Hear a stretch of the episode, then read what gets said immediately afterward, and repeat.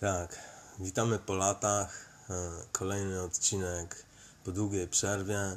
Witam wszystkich dwóch słuchaczy. Heja. Byłem wczoraj na świetnej imprezie. Przez to mam nastrój dzisiaj bardzo melancholijny, nostalgiczny. No i myślę sobie, i tak sobie myślę i patrzę sobie w lustro i gapi się tam na mnie moja twarz.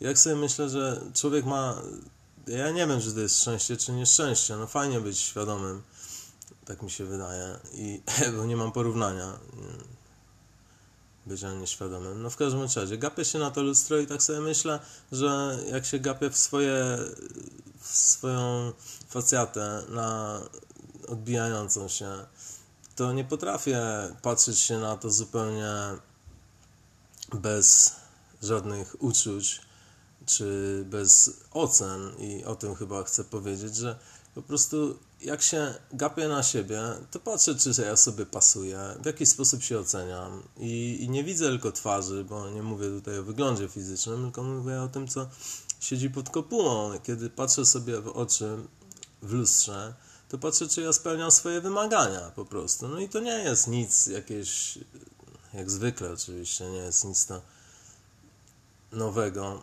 że każdy człowiek buduje sobie swoją jakąś własną historię na temat siebie, a następnie sprawdza, czy pasuje do swoich własnych wymagań, czuje się z tym dobrze albo źle. No i właśnie, i tak sobie pomyślałem, że przecież nie wszystko, e, to znaczy, że właśnie wszystko e, na co ja patrzę, to przecież w pewien analogiczny sposób jest odbierane przeze mnie. Ja sobie nakładam jakieś wymagania na obiekty, mam jakieś historie obiektów i o czym chcę mówić, to o tym, że nasz mózg ciągle, czy umysł, podróżuje po prostu w czasie, przestrzeni i porusza się w różnych kierunkach.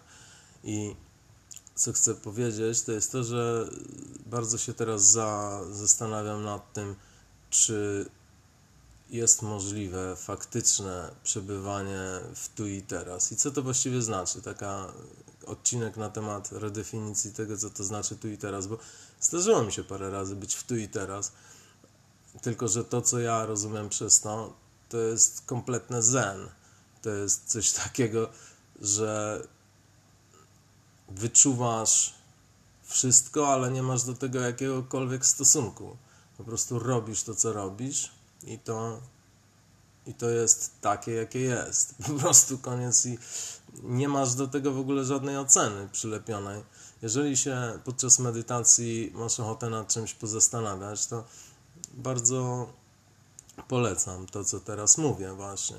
Zastanów się, co to dla Ciebie oznacza być tu i teraz i jak to się ma do Twojego ciągle podróżującego w czasie i przestrzeni umysłu. umysłu czy jest to dla Ciebie łatwe, czy jest to w ogóle dla Ciebie wykonalne. A także, czy bycie zwierzęciem, który patrząc na siebie w lustrze, to jest fajne w porównaniu, czy nie? No i chyba z tym zostawię. Taki krótki odcinek. Dobranoc.